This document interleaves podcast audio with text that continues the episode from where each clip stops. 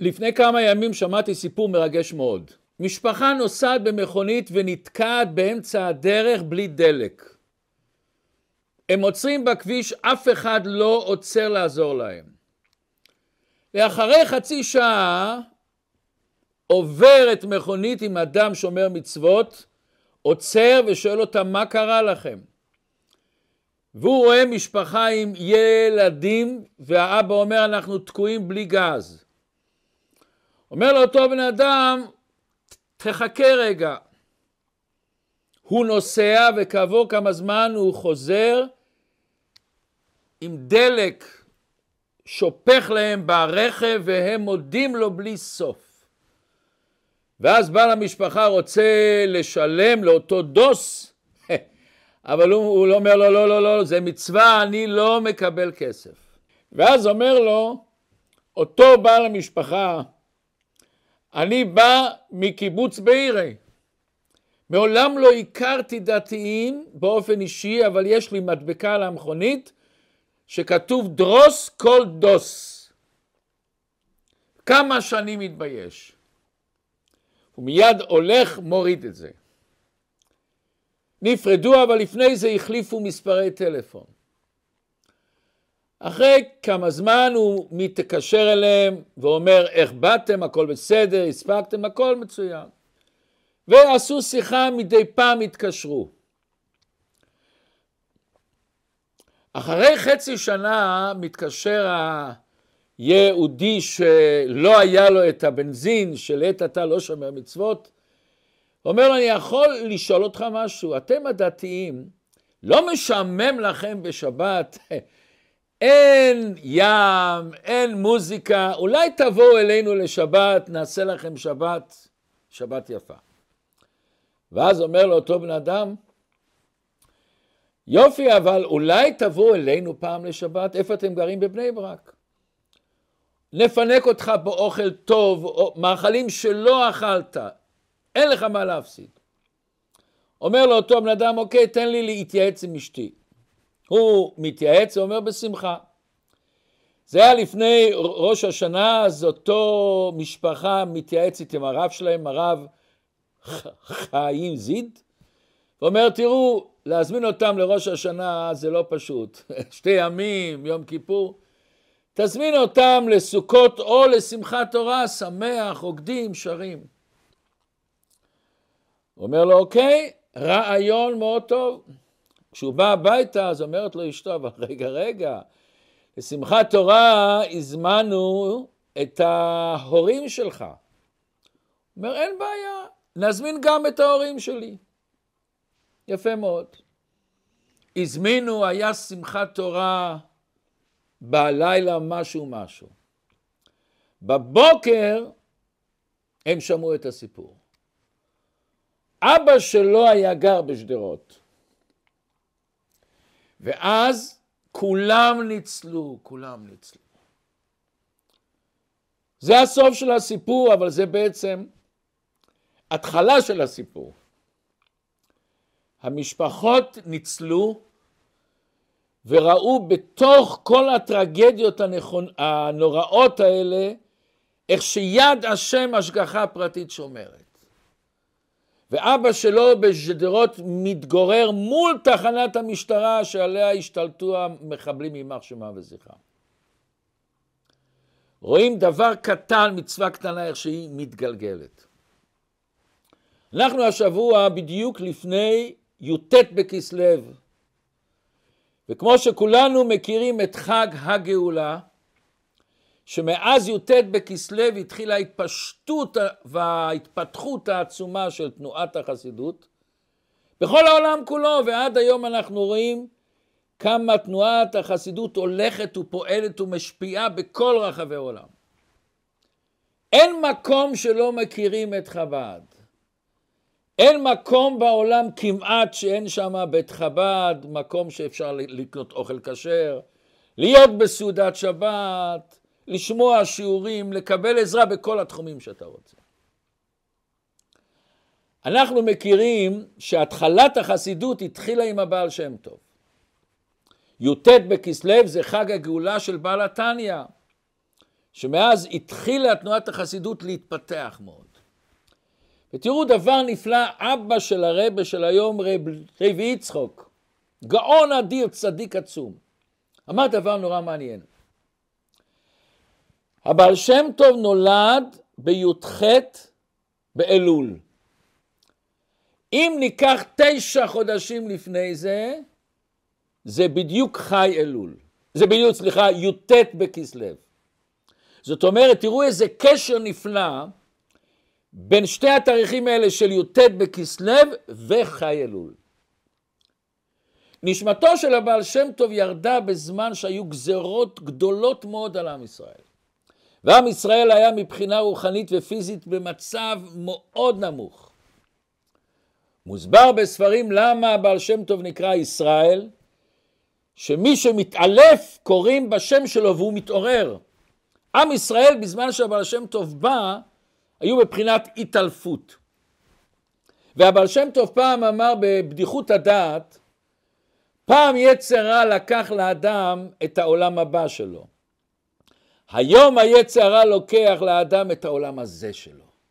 היצר הרע לא מפסיק לעבוד לרגע, הוא לוקח לנו את השלוות הנפש, את הרוגע, את המשמעות. הוא לוקח מאיתנו את הרצון לטעום את הטוב האמיתי. ומפורסם בכל העולם הבעל שם טוב הקדוש, הוא כתב מכתב, המכתב עד היום נמצא בישראל באוניברסיטה בירושלים, שהוא עשה עליית נשמה והוא פגש בהיכל המשיח את המשיח.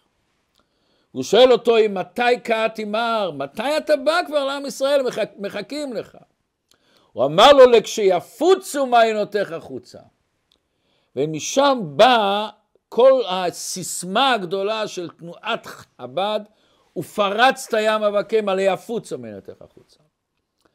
אבל כשמדייקים במילים רואים דבר נפלא.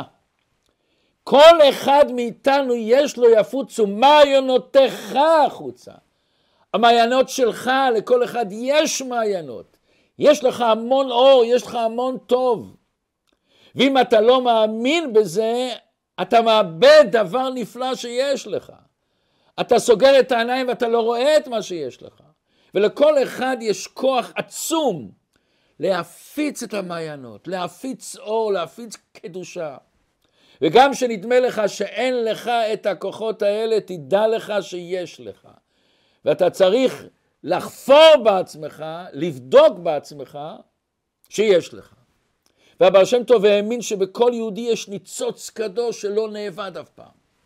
וכאשר האדם מגלה את הניצוץ הזה, יש לו חיים אחרים. חיים של עושר, קדושה, שמחה וטוב לבב, הוא מאיר בסביבה שלו. וזה השליחות שלנו היום, לקרב את הגאולה האמיתית, שכל אחד יגאל את עצמו.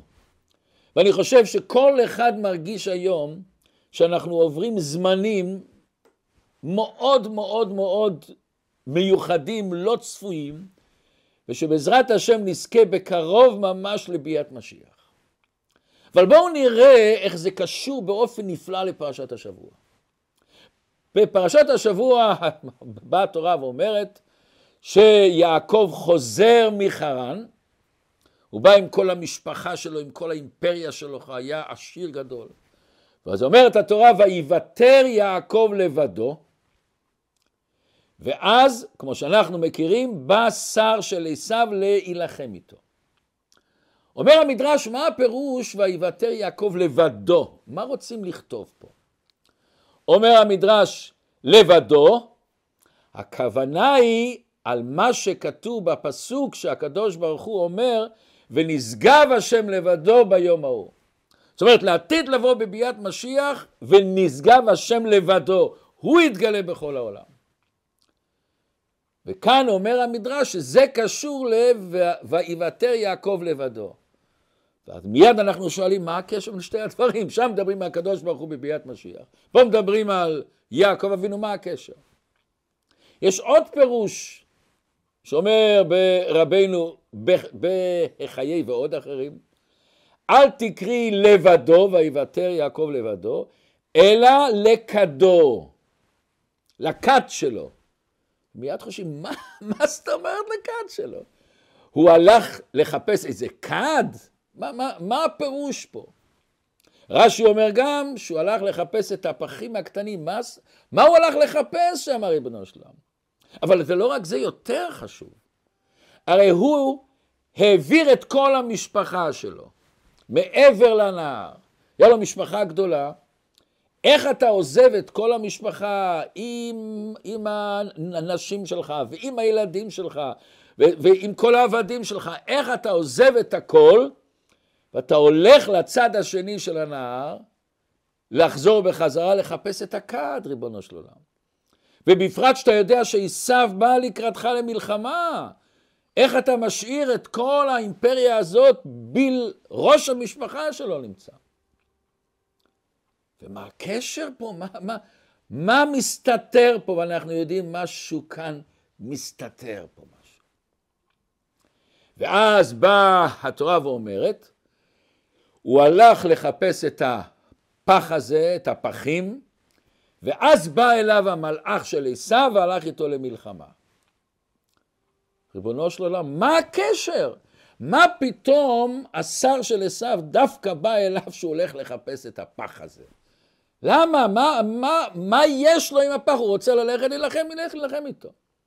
ואם התורה מספרת לנו שבדיוק יצא במקום הזה, במקום הזה, סימן שיש פה עניין פנימי. ועוד יותר, מה התורה מספרת לנו שהלך, מה מעניין אותי, הפרט הזה, הוא הלך לפח ושם המלאך. תגיד שהמלאך בא אליו, מה חשוב איפה הוא בא אליו?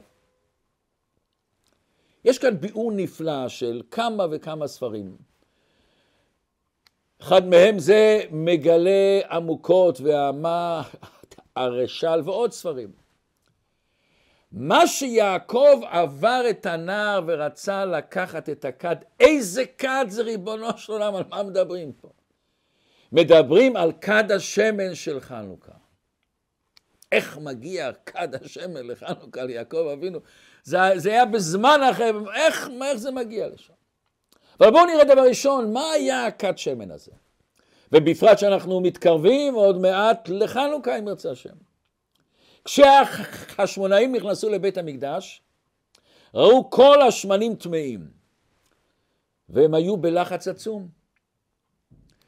אף על פי שעל פי ההלכה, בציבור, טומאה הותרה, מותר להם להדליק בשמן טמא, ובפרט שאין שמן אחר.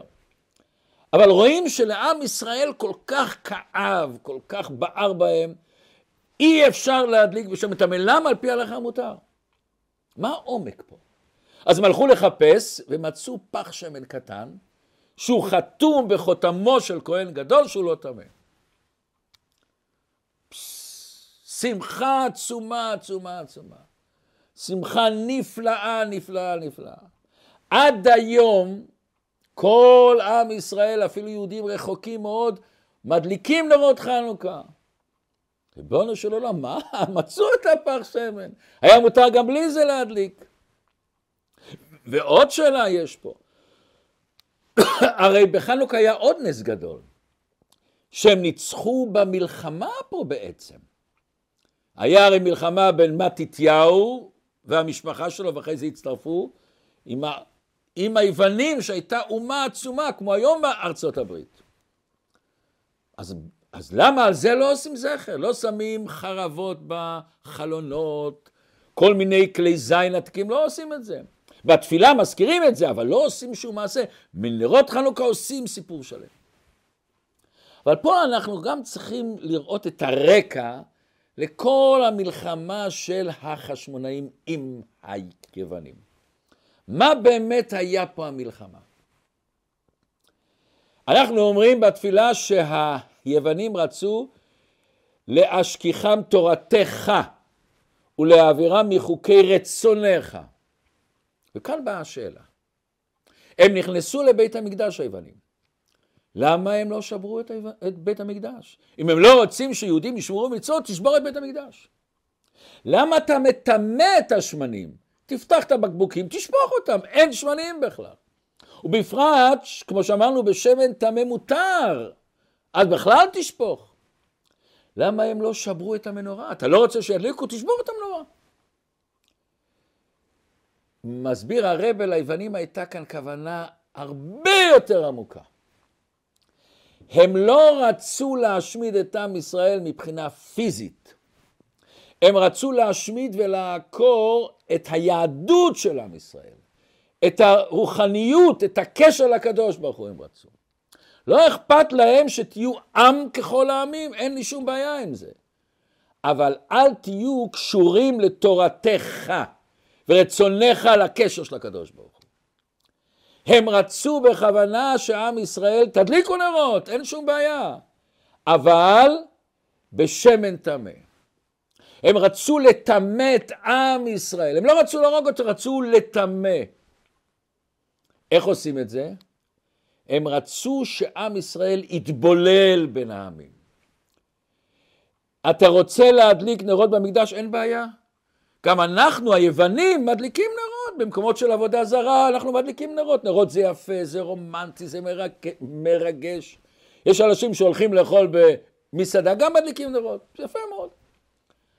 אבל שמן טמא? זה שגוי נגע בשמן, אז מה השמן הזה? זה אותו אור, אותו דבר. אה, זה משהו אלוקי? זה משהו רוחני? זה משהו אבסטרקטי? זה לא בשבילנו. הם רצו לעקור את, ה, את הנשמה של היהודי. תדליקו נרות, אין שום בעיה, אבל בשמן טמא. הם רצו להכריח את עם ישראל פתאום להבין שבבחינה פיזית, מה ההבדל בין שמן תושר? זה עושה אור וזה עושה אור. הם רצו לטמא את הנשמה שלנו. הם רצו לעקור את, ה, את הרוחניות של עם ישראל, את האלוקות של עם ישראל. וזה הייתה כל המלחמה. תתנהג כמוני, אתה בסדר גמור. כמו שאנחנו מכירים ששאלו את היטלר ואת האנשים שלו, אתה באמת מתכונן להרוג את כל עם ישראל? איך תעשה את זה? איך תעשה את זה? הוא אמר פשוט מאוד. הנשמה של היהדות זה אירופה. באמריקה היו יהודים, אבל רובם רובם לא היו שומרים כל כך תורה ומצוות. באמריקה היה מאוד קשה לשמור תורה ומצוות בתקופות ההם. היהדות הייתה באירופה. אמר היטלר, אם אני אהרוג את עם ישראל באירופה, זו שאלה של כמה שנים שכל היהדות נעלמת. הם יהיו בני אדם, הם ידעו אולי מסבא שלהם, אבל קשר ליהדות, קשר לתורה, אין להם. ולכן היוונים פטרו את המתייוונים ממיסים. באולימפיאדה נתנו להם להיכנס בלי כסף. ולכן השם ישמור הייתה תנועה גדולה של מתייוונים. למה? המתייוונים אמרו הם מאוד נחמדים איתנו. הם רק לא רוצים שנשמור מצוות ש... שקשורים ברוחניות, זה אנחנו נעשה כמוה, אבל כאשר אנחנו פה ואנחנו יכולים גם להדליק נרות גם כן. וזה היה הנס שמצאו את הפח שמן הטהור. על פי הלכה מותר, אין שום בעיה. הקדוש ברוך הוא רצה להראות לעם ישראל, אני איתכם ריבונו של עולם. הקדוש ברוך הוא רצה להגיד אל עם ישראל, המחלוקת זה טהור או טמא, זה המחלוקת. אז גם שמותר, אני רוצה שיהיה לכם שמן טהור, שעל זה לחמתם, על זה, על זה הייתה המלחמה. זה היה השורש של המלחמה. לכן על המלחמה הפיזית, מדברים עליה, עושים את זה, בתפילה מזכירים את זה. אבל ממה עושים את הטרסק? ממה הזכר הגדול של חנוכה? שואלים מישהו מה זה חג החנוכה? חג החנוכה זה השמן. ולכן רואים היום דבר נורא מעניין. יהודים רחוקים רחוקים מיהדות. יכולים ועושים הדלקת נרות חנוכה. כל הילדים, משפחות שלמות עושים את זה. ואפילו באמריקה, כשאנחנו נוסעים לאמריקה, השם ישמור ב... בחגים של הגויים יש אנשים שמדליקים בצד אחד את, ה... את העץ שלהם, את האשוח, בצד שני מדליקים נרות חנוכה. אני לא אשכח שהייתה פעם אצלנו איזו אישה, סיפור שלם, הייתה שרה באופרה ורצתה לראות שבת אצל יהודים. היא, היא באה ממשפחה יהודייה.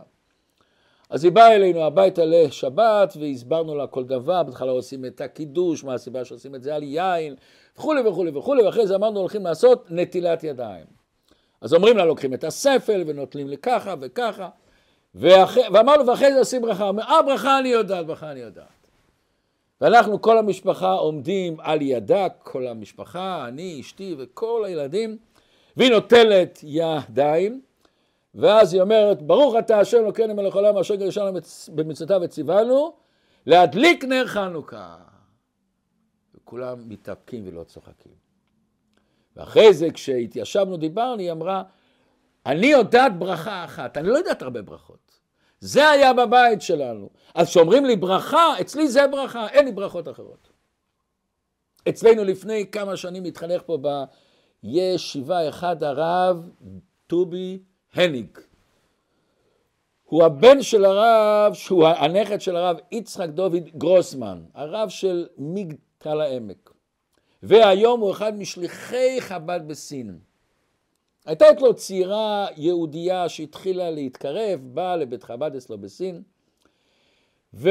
אבל היא הלכה תמיד לאירועים אצל איזה נזיר מקומי שם.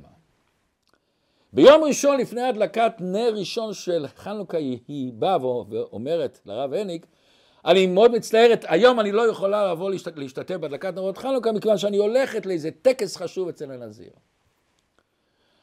והוא הבין שאין לו מה לנסות להשפיע, אז הוא אומר, את יודעת מה? תקחי איתך את החנוכיה. תקחי את החנוכיה שמה, ותדליקי שם את הנרות חנוכה בצד. בסדר. היא לקחה את הנרות, אבל היא לא רצתה בלי רשות של הנזיר, אז היא באה אל הנזיר ואומרת, יש לי כאן נרות חנוכה, מותר לי להדליק, בבקשה, תדליקי נרות. אבל אל תלכי בצד, תדליקי פה בפני כולם. יש סרטון שאת רואים את כל האנשים מסתכלים איך שהיא מדליקה נרות. ואז, בסוף ההדלקה רואים את הנזיר נשפך בדמעות. ואז הוא מספר, אימא שלי יהודייה, הייתה רחוקה מאוד, אבל נרות חנוכה היא עשתה. הנרות חנוכה של אותו צעירה הדליק הדליק אצלו את הנשמה שלו.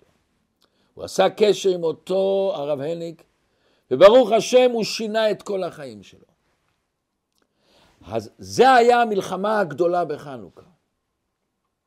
אבל מאיפה היה באמת את הכוח הזה לעשות את המלחמה?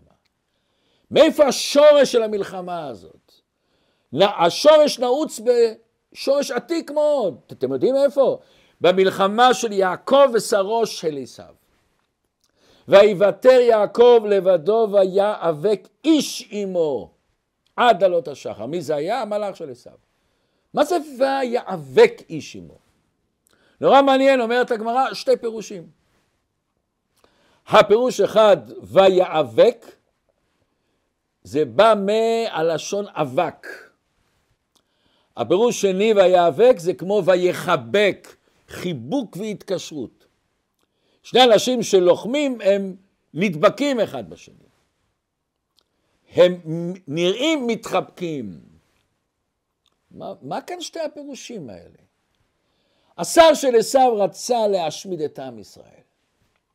השר של עשיו רצה לא על ידי מלחמה פיזית, הוא רצה לא רק להרוג אותם מבחינה פיזית, שזה נקרא שהוא הולך להילחם איתו, הוא רצה להרוג אותם על ידי החיבוק. החיבוק הזה שהגויים לפעמים נות, עושים לנו, גורם שמתחתנים איתנו ביחד. וזה עוצר את כל השלשלת של עם ישראל. השם ישמור, הש... היום בזמננו יש התבוללות עצומה ונוראה. חוץ מארץ ישראל ואולי איזה עיר אחת או שתיים, כל שנה יש פחות יהודים מעם ישראל. נורא ואיום. אני שמעתי שאחרי השואה היה באמריקה שש מיליון יהודים. מאז באו מיליון מרוסיה, מיליון מהארץ, ומעוד מקומות באו יהודים. לפי הסטטיסטיקה, כך אמרו לי, לפי אחד, אה, דוקטור סמית אמר, שהיום צריך להיות יותר מ-20 מיליון יהודים באמריקה. כמה יש היום? שש מיליון יש? חמש מיליון יש? מדברים על פחות מארבע מיליון. מה קרה שם? היה אושוויץ, היה טרבלינקה, מה היה שם, ריבונו של עולם? ועוד איך היה אושוויץ? אושוויץ של התבוללות. המלאך של עשיו אמר, אני רוצה לחבק אותו, לקחת את הנשמה שלו, לקחת את הנקודה היהודית שלו. לכל יהודי יש בתוך תוכו פח שמן טהור. גם שכל כולו השכל שלו, המידות שלו, הרצונות שלו, התענוגות שלו, הם טמאים, הם התבוללו כבר. הם, הוא כל כולו חושב כמו אינו יהודי, מתנהג כמו כל יהודי, הוא לא עושה שום דבר, לא מריח שום דבר. אפילו חנוכה אין לו. אבל יש בתוכו את הפח שמן הטהור. בא המלאך של עשיו ורצה לקחת את הפח שמן הטהור, לשלוט עליו, לעקור את היהדות באותם יהודים שהם לא קשורים בלב שלהם, ברצונות שלהם, במעשה שלהם, הם לא קשורים לתורה. מה נשאר להם? רק את הפח שמן הוא רצה לקחת את זה. לגרום, לה, לגרום שישראל שחטא הוא לא ישראל. ועל זה יעקב הלך למלחמה.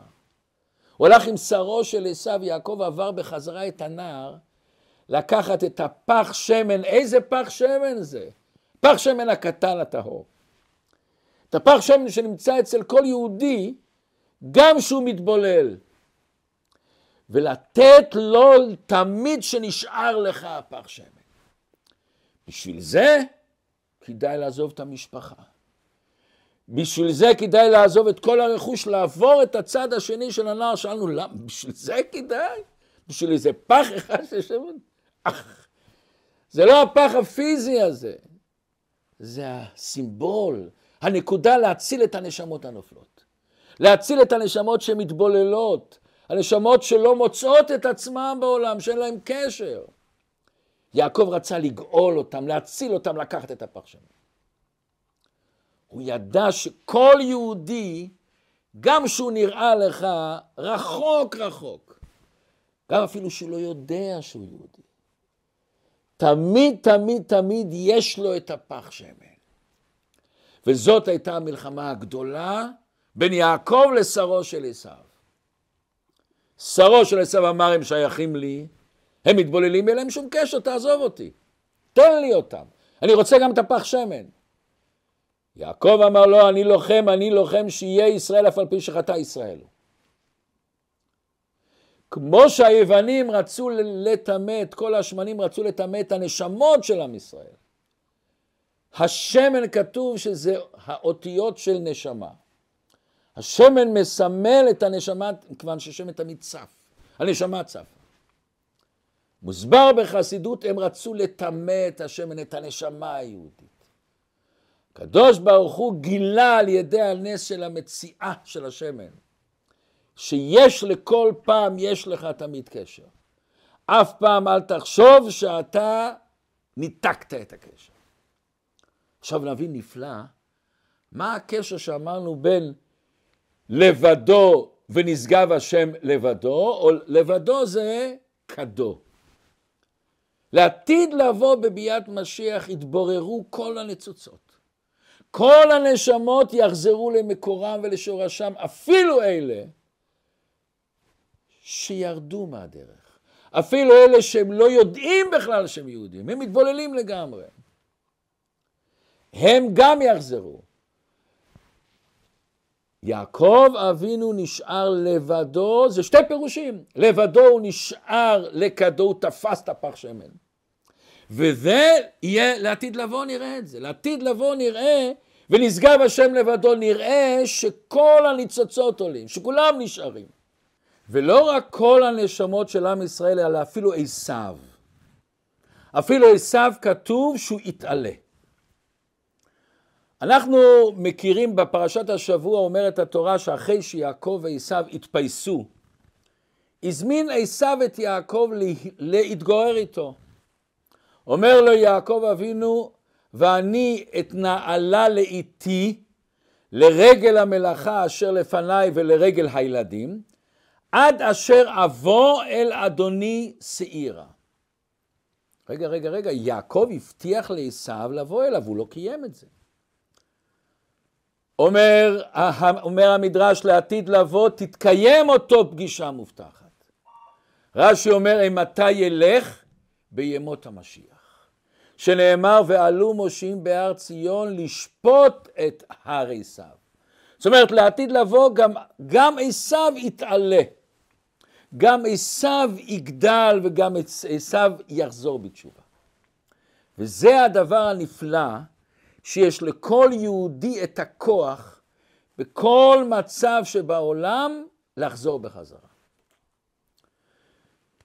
לפני כמה וכמה שנים היה יהודי יקר שגר באופלו, אבל לא היה לו שום קשר ליהדות, שום דבר ליהדות לא היה. ואז פעם אחת הוא נפגש עם בחורה, בחורה הייתה לא יהודייה, ונפגשו ונפגשו ואז החליטו להתחתן. אז הוא אומר לה, תראי, אני כיהודי, את לא, בואי נעשה את החתונה באיזה פארק יפה, באיזה מלון יפה. היא אומרת, לא, לא, לא, אני רוצה רק בכנסייה. אני מצטער, אני לא אומר בית כנסת, את לא, לא, אני לא רוצה, אם לא, אין חתונה. נשבר בלב שלו, אין ברירה, הסכים. אבל היה לו במצפון כאב.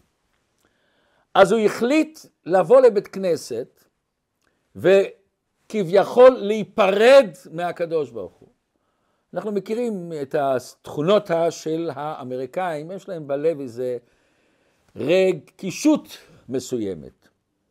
בסדר גמור, אז הוא בא לבית כנסת, פותח את הארון קודש, ואומר לקדוש ברוך הוא, אני לא יודע את המילים, אבל הוא אומר, I am sorry, אני הולך להתחתן עם בחורה לא יהודייה, אני הולך להתנתק.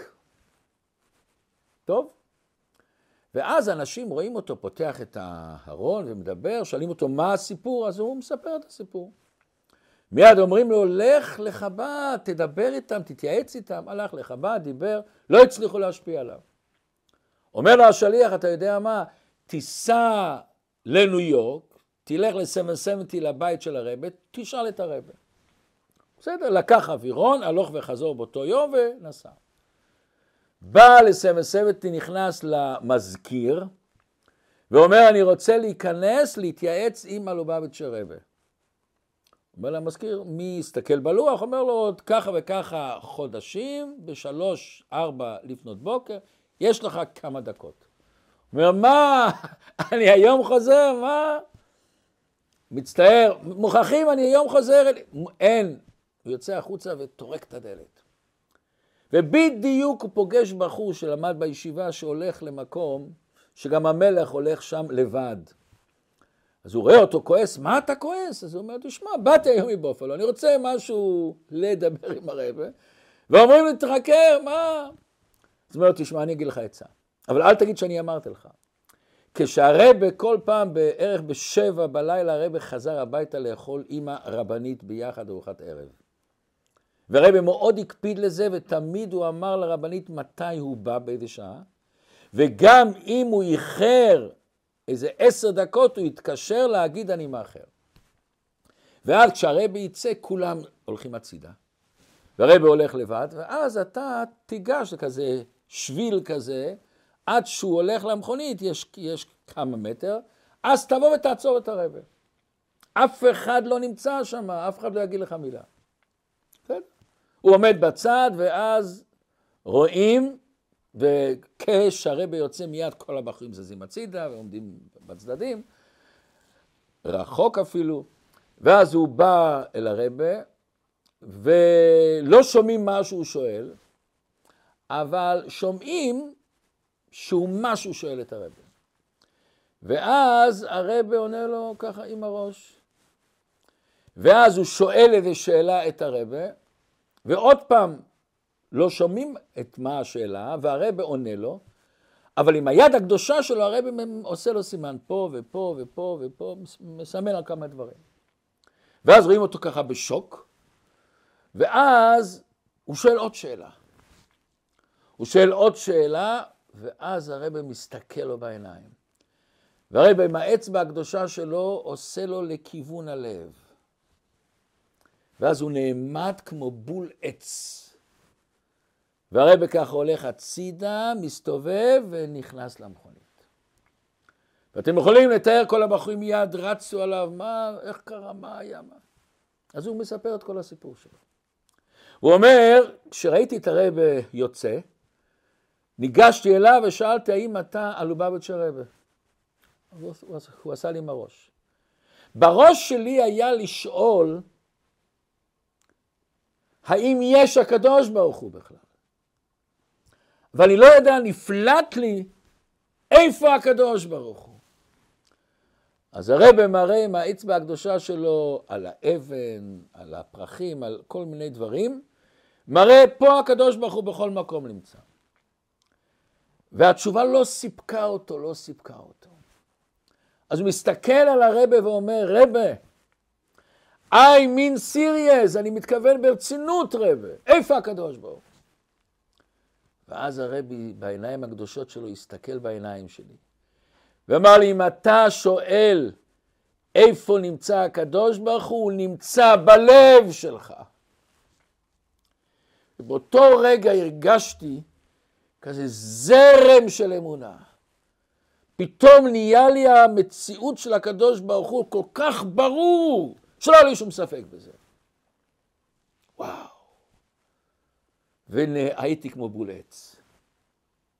אותו בן אדם השתנה לגמרי. וכל פעם שהוא עשה איזה שמחה, הוא חזר לאותו מקום במדרגות. אותו מקום בפרוזדור, בשביל הזה שהוא פגש את הרבה, הוא אומר, פה נולדתי. כל אחד יש לו את הקדוש ברוך הוא בלב שלו. לכל אחד יש את זה, בוער בו. ואנחנו לקראת יד, יד כיסלב יפוצו מעיינותיך, המעיינות שלנו. ואנחנו יודעים שמעיין זה נשפע ונשפע ונשפע בלי סוף. ואם המעיין מפסיק, צריכים לחפור במים. לכל אחד יש בנו המון המון עוצמות. ואנחנו צריכים להפיץ את זה, להעיר את זה. שנזכה בקרוב ממש לביאת משיח צדקנו פה, בעולם הזה, למטה מעשרה טפחים. ונזכה שכל החטופים יחזרו בשלום, שכל החולים יתרפאו, ושיהיה לנו ניצחון גדול על אותו עמלק של הדור שלנו, ונזכה בקרוב ממש לביאת משיח צדקנו.